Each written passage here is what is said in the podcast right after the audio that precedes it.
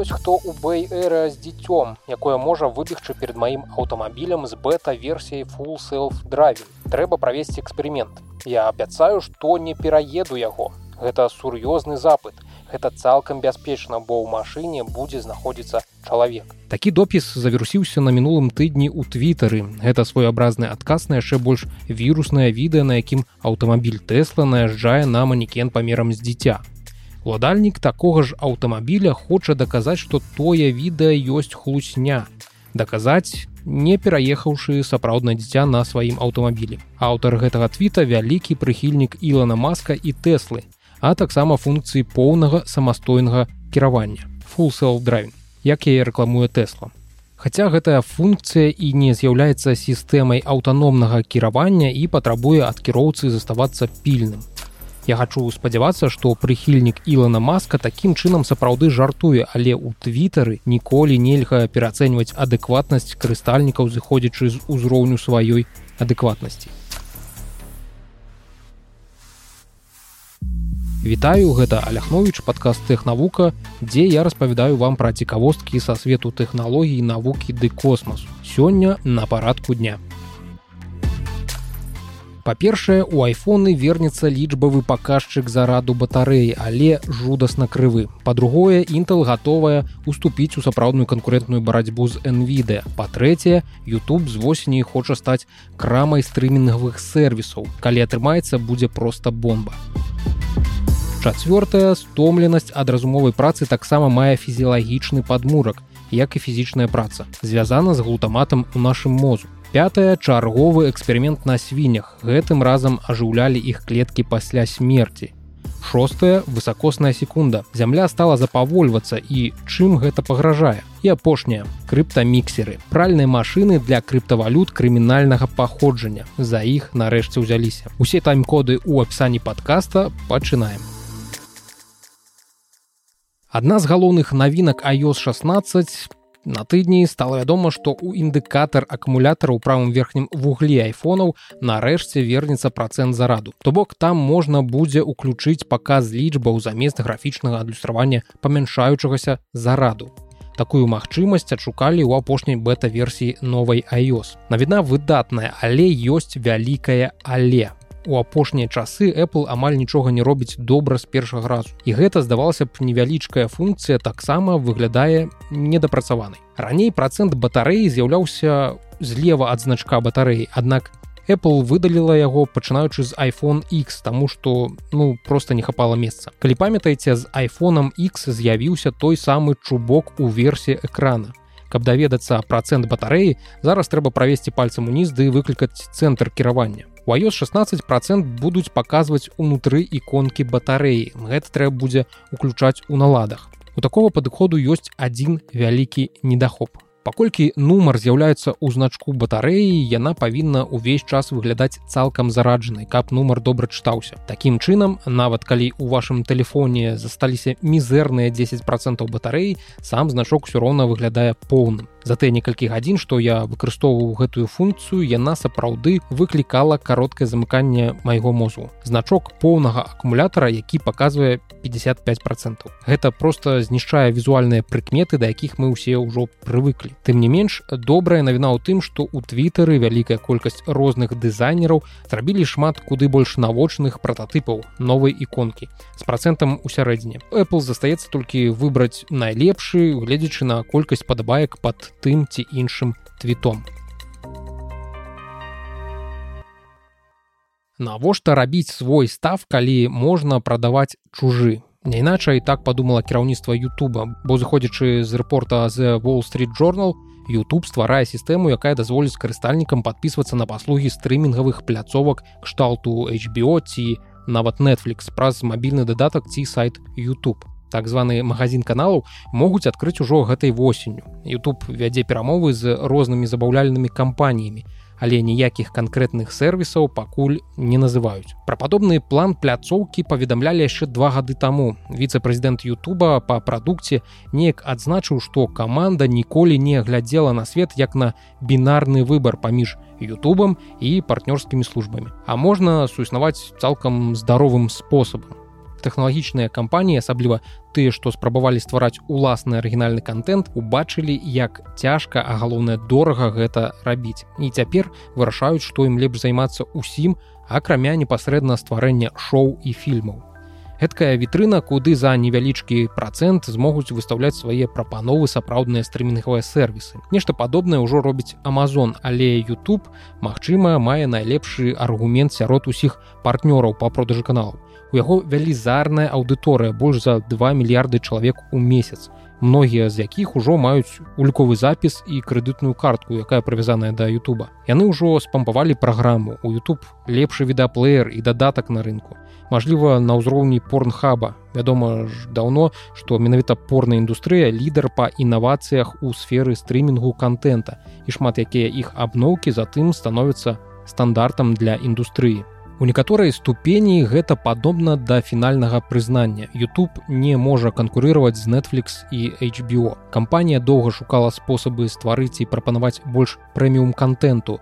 У тым леку некалькі няўдалых спроб стварыць арыгінальны контент у ТБ стылі як YouTube Originals. YouTube папулярнае месца для кліпаў і хайлайтаў тэлешоу і фільмаў, але пляцоўка не знайшла выдатных спосабаў інтэграцыі першакласнага галівудскага контенту на сваю платформу. Каб бы гэта спрацавала, YouTube павінен будзе пераканаць стрымінгі, што ён не ўяўляе доўгатэрміновай пагрозы для іх бізнесу адносіны YouTube з галівудам за гэтай гады палепшыліся але многія забаўляльныя кампаніі па-ранейшаму разглядаюць яго і як партнёра і як неабходнае зло. Калі YouTube зможа стаць крамай для папулярных стрымінгаў ён атрымае не толькі гару грошай. Дадатак YouTube з усімі вашымі стрымінгавымі шоу і фільмамі усім што можна купіць і ўзяць на пракат а таксама усімі стваральнікамі крэатарамі якіх вы любіце і пошукавай сістэмай якая ляжыць у аснове ўсяго гэтага. Гэта быў бы магутны дадатак у забаўляльнай сферы. Чакаем восені ды будзем глядзець. Яшчэ крыху пра тэхналогіі. Intel нарэшце гатовыя распачаць канкурэнтную барацьбу за карыстальнікаў відэакарт месяц таму кампанія прадэманстравала відакарту арк а750 а надоечы выпусціла вынікі 48 тэстаў якія паказваюць што яе навінка будзе канкурыраваць з rtx 3061 відзе якая зараз запускае сучасныя гульні і наогул з'яўляецца народнай у гэтым пакаленні nвіде вынікі тэстаў выглядаюць шмат спадзеўнымі для таго што верагодна стане асноўным графічным працэсарам Intel пазней у гэтым годзе. Intel пратэставала А750 у такіх папулярных гульнях як Fortnite, Control і Call of Duty Warzone. Зразумела, што трэба чакаць нейкіх незалежных тэстаў, але выглядае на тое, што відакартка ад Intel ну, будзе цалкам комфортна пачувацца ў геймерскіх кампутарах. Часам яна дэманструе крыху лепшыя паказнікі, чым 3060, часам горшыя, але ва ўсялякім разе не застаецца далёка па-за спінай канкурэнта. Тут трэба адзначыць, што Intel засяродзілася толькі на сучасных API, а не на старых гульнях з Direct X11 раннее тэставанне графічнага працэсара арк а770 ад intel. Ступенька вышэй за а750 показала вялікі разрыв у прадуктыўнасці паміж гульнямі directx 11 і directx 12 intel ўсё яшчэ працуе над драйверамі для графічнага працэсара арк і можа прайсці некаторы час перш чым кампанія зможа палепшыць прадуктыўнасць на старым API ўсё яшчэ чакаем калі intel выпусціць свой графічны працэсар пазней у гэтым годзе але гэтыя апошнія тэсты паказваюць што ён можа быць гатовы канкураваць за найважнейшы мейнстрымны сегмент. Intel яшчэ не абвесціла афіцыйных спецыфікацый або цэнаў на арк а750 але ў слайдах што пратачыліся ў сецівая яна каштуе 300 до 400 даляраў.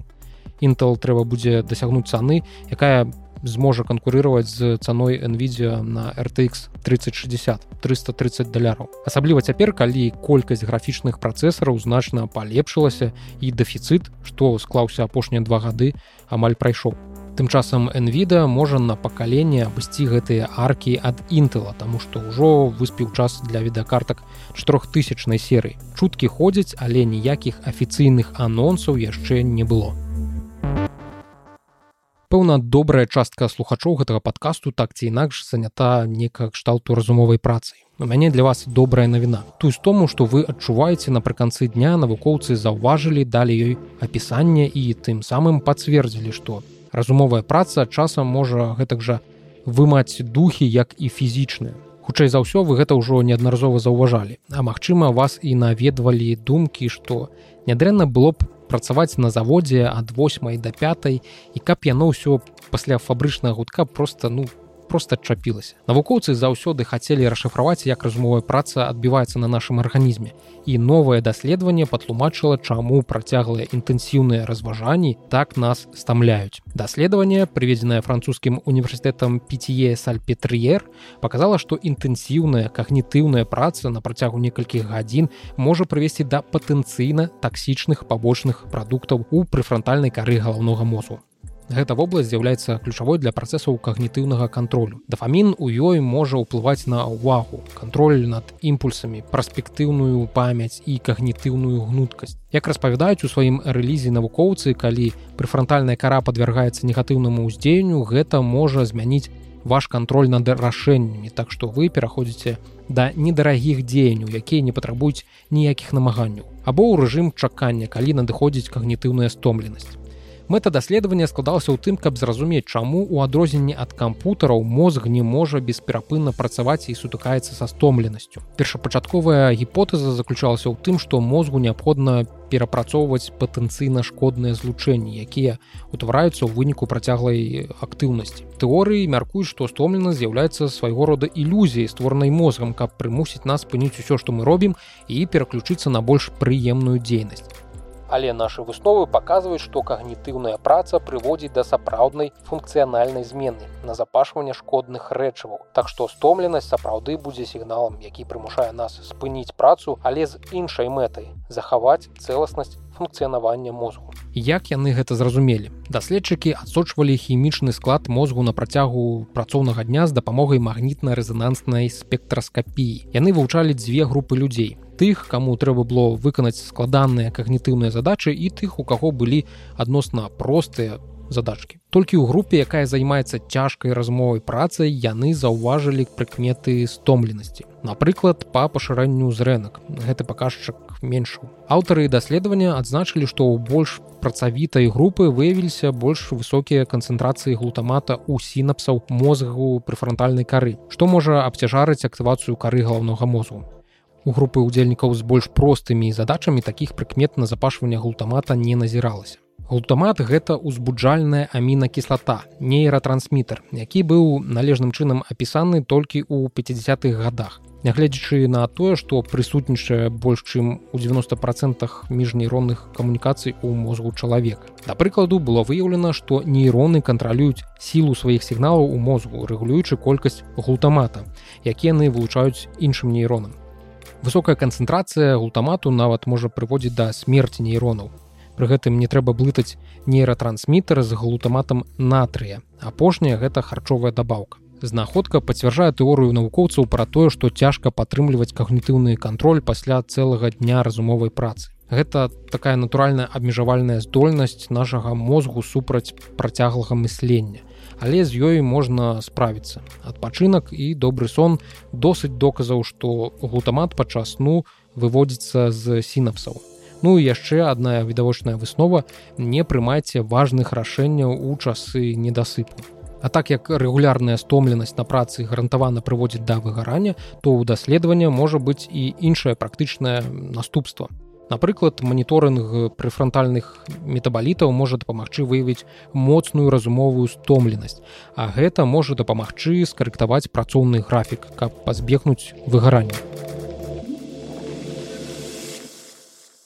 Свіням шмат дастаецца ад навукоўцаў. Іх арганізм шмат у чым падобны да чалавечага. Таму эксперыментаў над імі ставяць досыць шмат некалі у падкасці расказваў пра перасадку свінога сэрца мужчыне гэты вопыт тычыўся трансплантацыі органаў новы што ўзварушыў навуковую супольнасць таксама тычыцца свіней і трансплантацыі свіня была мёртвай гадзіну пасля інфаркту але праз 6 гадзін пасля таго як даследчыкі з ельскага універсітэта падключылі яе цела да машыны якая перапампоўвае багатую пажыўнымі рэчавымі вадкасць органы зноў пачалі падаваць прыкметы жыцця. Хаця органы раптам не пачалі нармальна працаваць некаторыя клетачныя пашкоджанні што былі выкліканыя стратай крывацёку пасля смерти здавалася удалося скасаваць. Цэрцы свіней дэманстравалі электрычную актыўнасць. Клеткі ў іх нырках печані і лёгкіх зноў функцыянавалі і дэманстравалі прыкметы аднаўлення. Адкрыццё апублікаванае ў часопісе nature сведчыць аб тым што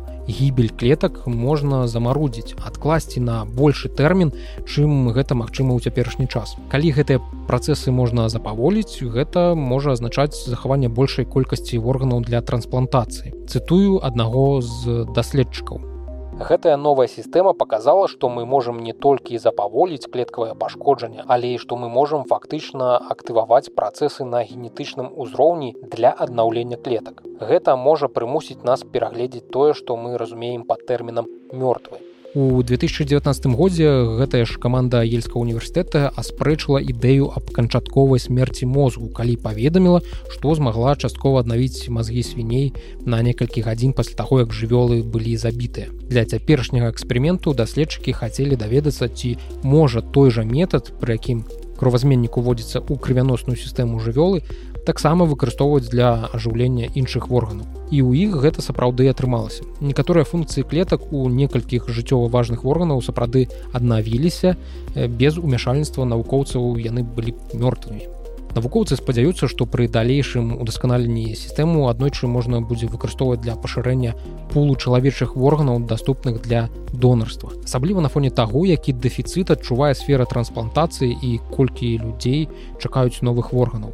Толькі ў ЗША каля 106 тысяч чалавек знаходзіцца ў нацыянальным лісце чакання а кожны дзень памірае каля 17 чалавек што не дачакаліся аперацыі. Нягледзячы на велізарную патрэбу каля 20 процентаў органаў штогод выкідваюцца з-за нізкай якасці Гэта можа азначаць, што яны занадта старыя або пашкоджаныя. Што можа адбывацца, калі органы занадта доўга адключаюцца ад багатага кіслародам кровазабеспячэння.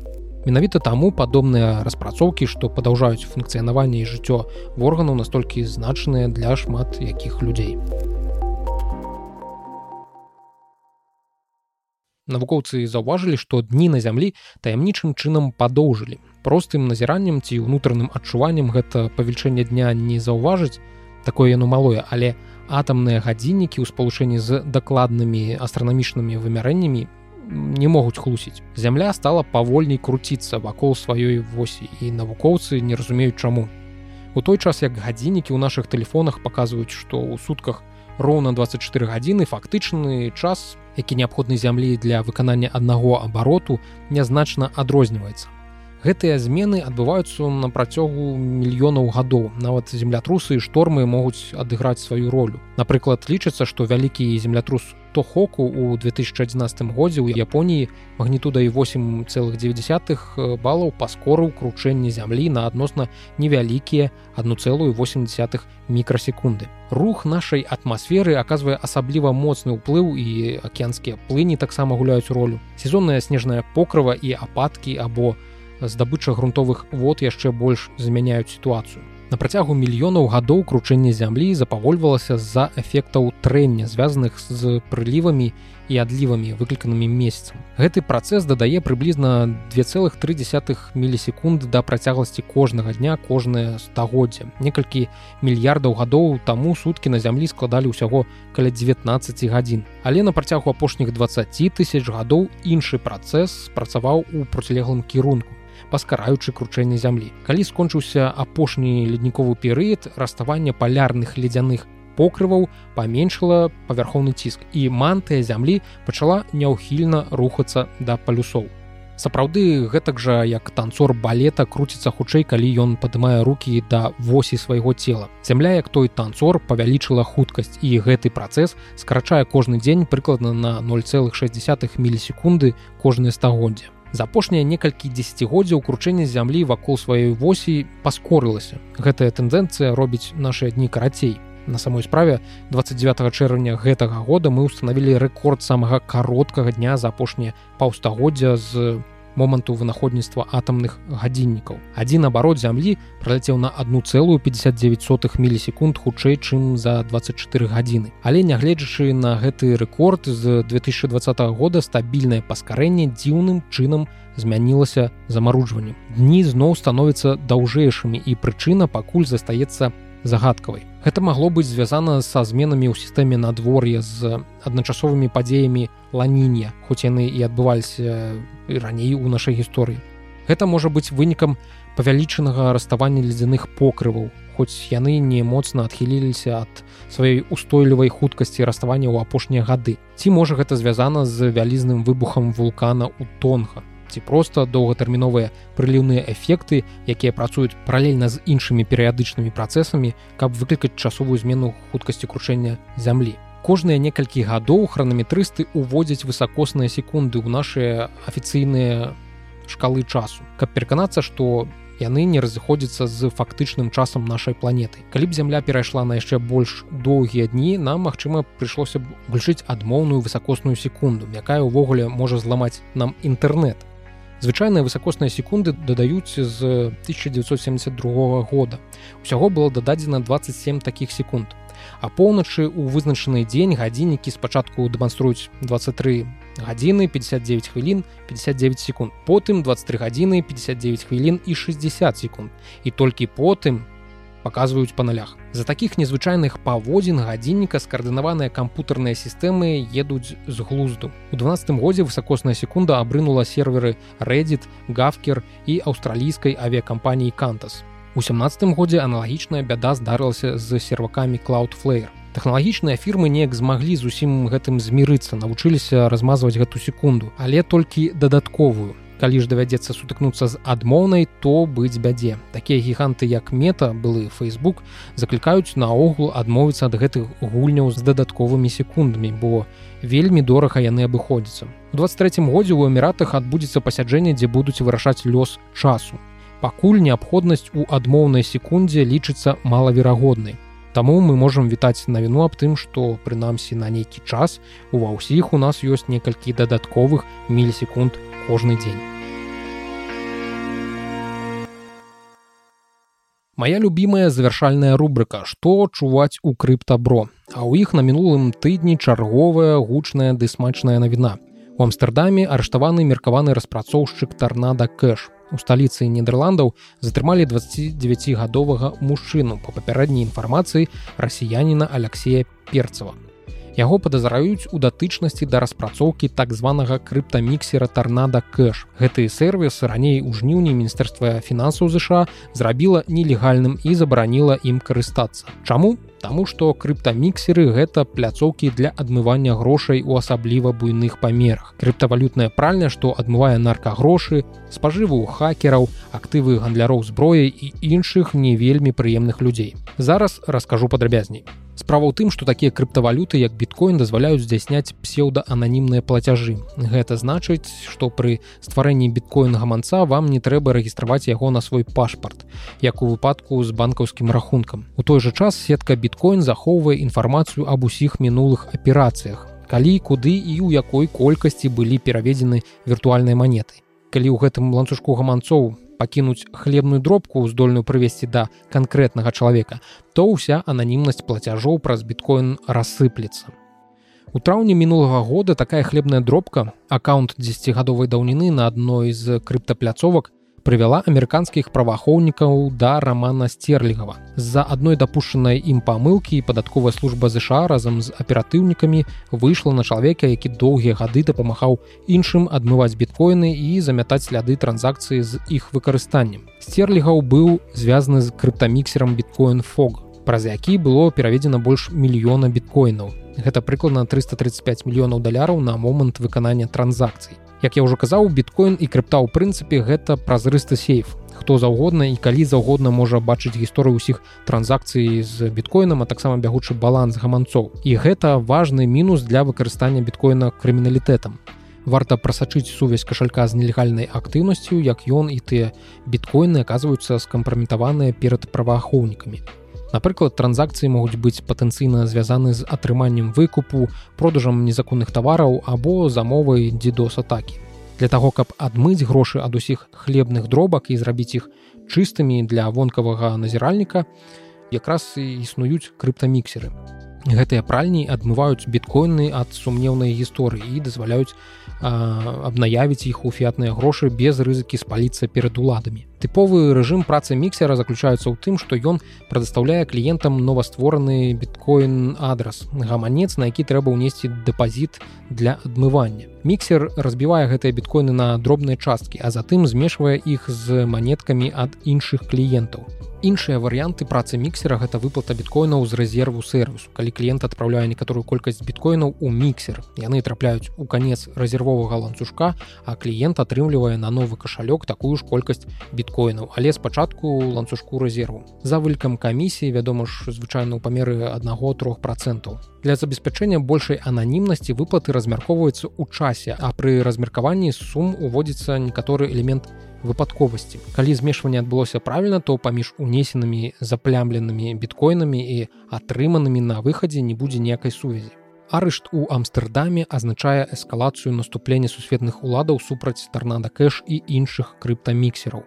Прыхільнікі і адвакаты такіх службаў сцвярджаюць, што крыптаміксеры прапануюць дадатковы ўзровень прыватнасці пры правядзенні транзакцый і такім чынам адпавядаюць важнаму аспекту ідэалогіі крыптавалюты нібыта да такіх сервісаў улады ставяцца несправядліва таму што гэта толькі інструменты нейтральныя інструменты што могуць выкарыстоўвацца з добрым ці дрэнным намерам але на гэтым гісторыя не сканчваецца мяркуецца што бліжэйшымі тыднямі адбудуцца яшчэ некалькі затрыманняў тым часам гэтую сітуацыю з тарнада кэш сталі выкарыстоўваць тролі Ананімны карыстальнік зрабіў мноства транзакцый праз тарнада кэш на вядомыя адрасы, каб уцягнуць іх уладальнікаў ва патэнцыйную рэгулятыўную блытаніну. Пададзеных эзерскан пацярпелыя гаманцы ўключаюць кажалькі, якія кантралююцца да прыкладу генеральным дырэктарам Coinbase, тэлевядучым Джиммі Фэланам, брэндам адзення Пума і іншымі так як тарнада кэш зараз под санкцыямі міністэрства фінансаў ЗША то фізічным і юрыдычным асобам гэтай краіны нельга ўзаемадзейнічаць або здзяйсняць нейкія транзакцыі з тарнада кэш.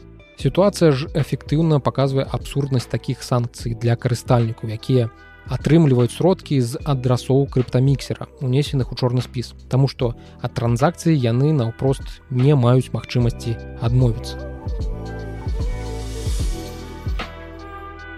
на гэтым сёння ўсё вялікі дзякуй тым хто даслухаў эпізод да канца асаблівая падзяка тым хто слухае яго у apple подкаст ды ставіць зорачки дзякуючы вам тэхнавука стала топ-1 падкастам у тэхналагічным чарце apple па беларусі і высока падымаецца ў агульным рэйтынгу. У нейкі момант нават да 18 пазіцыі. А гэта ў сваю чаргу дапамагае беларусам што шукаюць контент народнай мове. Яшчэ раз шчыры ўсім дзякуй. Пачуемся на наступным тыдні